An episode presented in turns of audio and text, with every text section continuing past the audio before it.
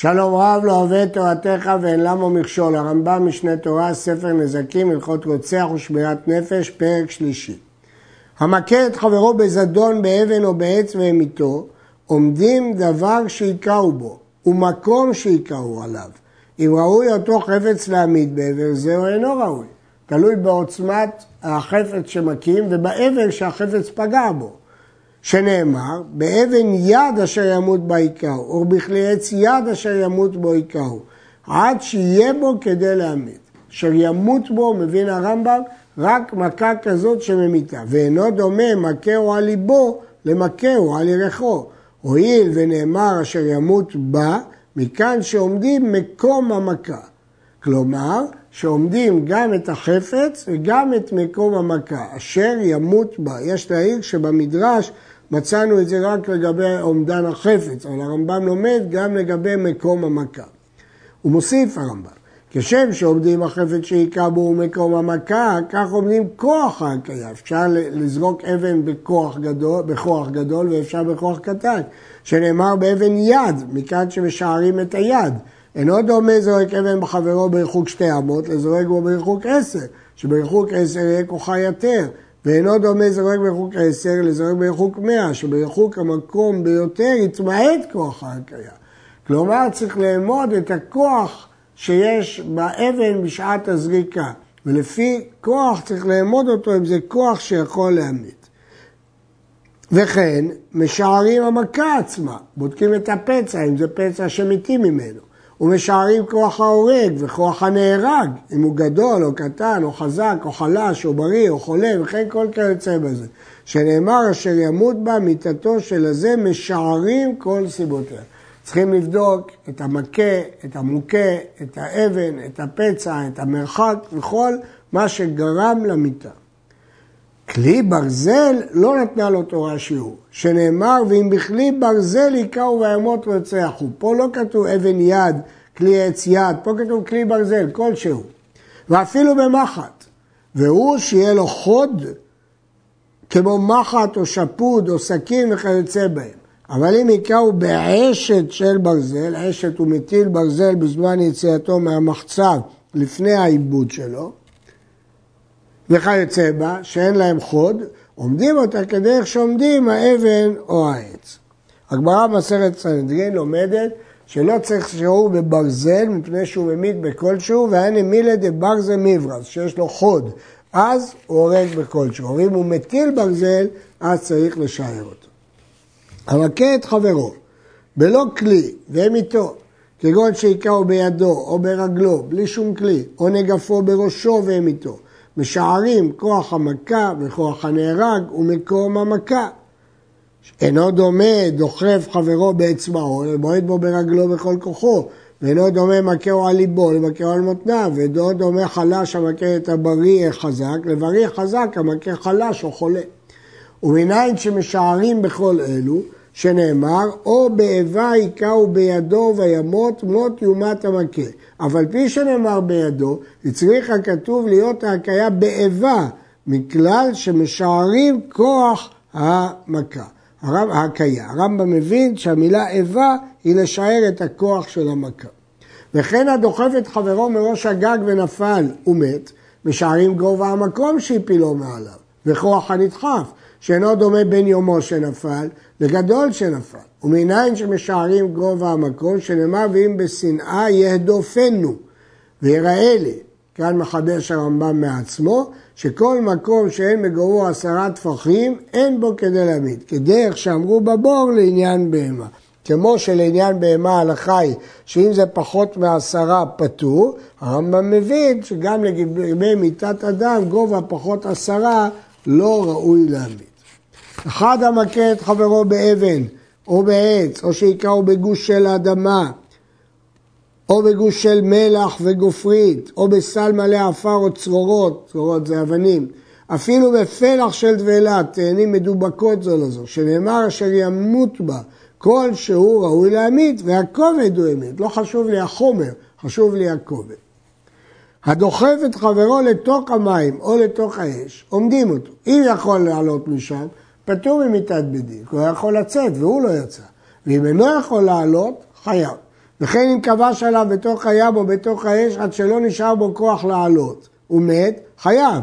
אבל פי שאינו הוא הדוחף בתחילה, כי הוא יכל לצאת, ואתה זה שמנעת ממנו לצאת. אז החידוש הוא שלמרות שזה לא מעשה בידיים, לא אתה דחפת אותו, גם זה נקרא רצח. שללת את האפשרות שיהיה לו אוויר, או את האפשרות שהוא יוכל לצאת.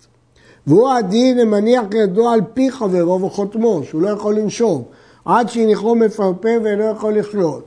או שכפתו והניחו בצינה או בחמה, כבר יש פה צינה וכבר יש פה חמה, עד שמת. או שבנה עליו מקום עד שמנה ממנו הרוח, אין לו אוויר. או שהכניסו למערה ובית ועישן עליו עד שמת. או שהכניסו לבית של שיש והדליק עליו נר עד שמיתו האבן. בכל אלו נהרג עליו, שזה כמי שחנקו בידו. כל הפעולות האלה הן פעולות שהן כמעט ישירות.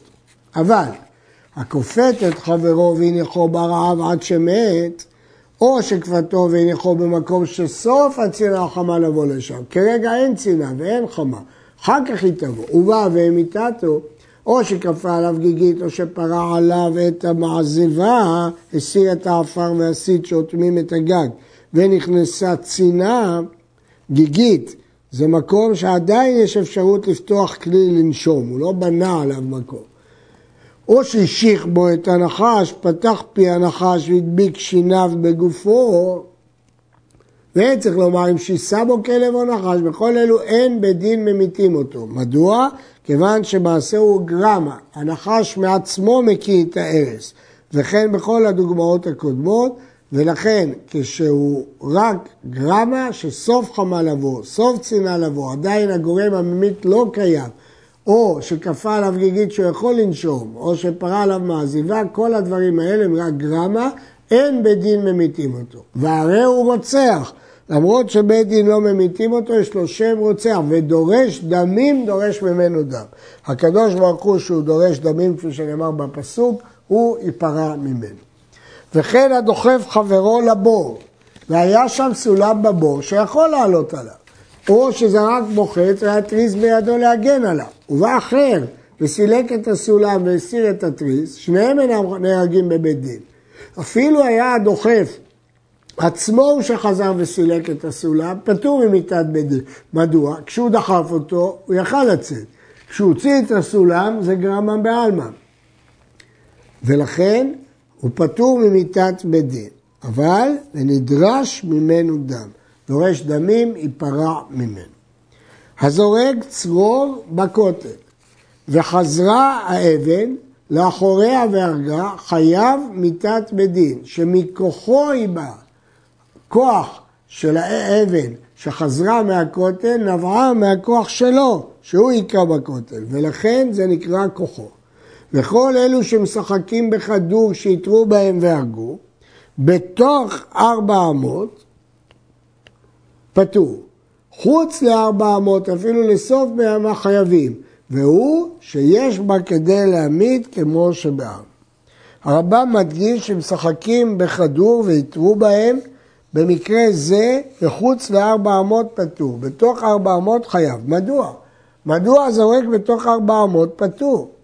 רש"י בגמרא ותוספות בסנהדרין והראש אומרים שמדובר על רוצח בשוגג ולכן הזורק אינו חייב גלות, כי הוא התכוון לזרוק שתיים וזרק ארבע. אבל הרמב"ם מבין שזה מתייחס לרוצח במזיד, לא מזיד שיתרו בו. ואם כן יש לשאול למה בתוך ארבע אמות פטור. המאירי מסביר שמטרת המשחק היא לזרוק כדור חזק כדי שיחזור יותר מארבע אמות. אך אם פחות מארבע אמות זה לא כוחו של הזורק, אלא זה הכדור יתגלגל מאליו. זרק אבן למעלה והלכה לצדדים והרגה, חייב. כי אם היא הלכה לצדדים, אז לא רק כוח המשיכה פג... קבע בה, אלא גם כוחו. הכופת את חברו והניחו במקום שאינו יכול לברוח והציף עליו מים ומת, הרי זה נהרג עליו. זה לא נקרא גרמה, למרות שהוא רק פתח את הפקק שגרם להצפת המים. והוא שימות מכוח ראשון הבעל מעשה. פריצת המים הראשונים נקרא כוח ראשון. מה זה בדיוק כוח ראשון הבא ממעשיו? רש"י פירש שזה תלוי במרחק של האדם ממקום פריצת המים. אה, יד רמה פירש שזה מקום המים ביחס למקום הפרצה. כלומר, הכוח ראשון הם המים שסמוכים למקום הפרצה וזה כך מקובל. ויש פירוש אחר, שאם המים באים בשטף ולא יתעכבו בדרך, הם כוח ראשון, ואם יתעכבו, הם כוח שני. עד כאן.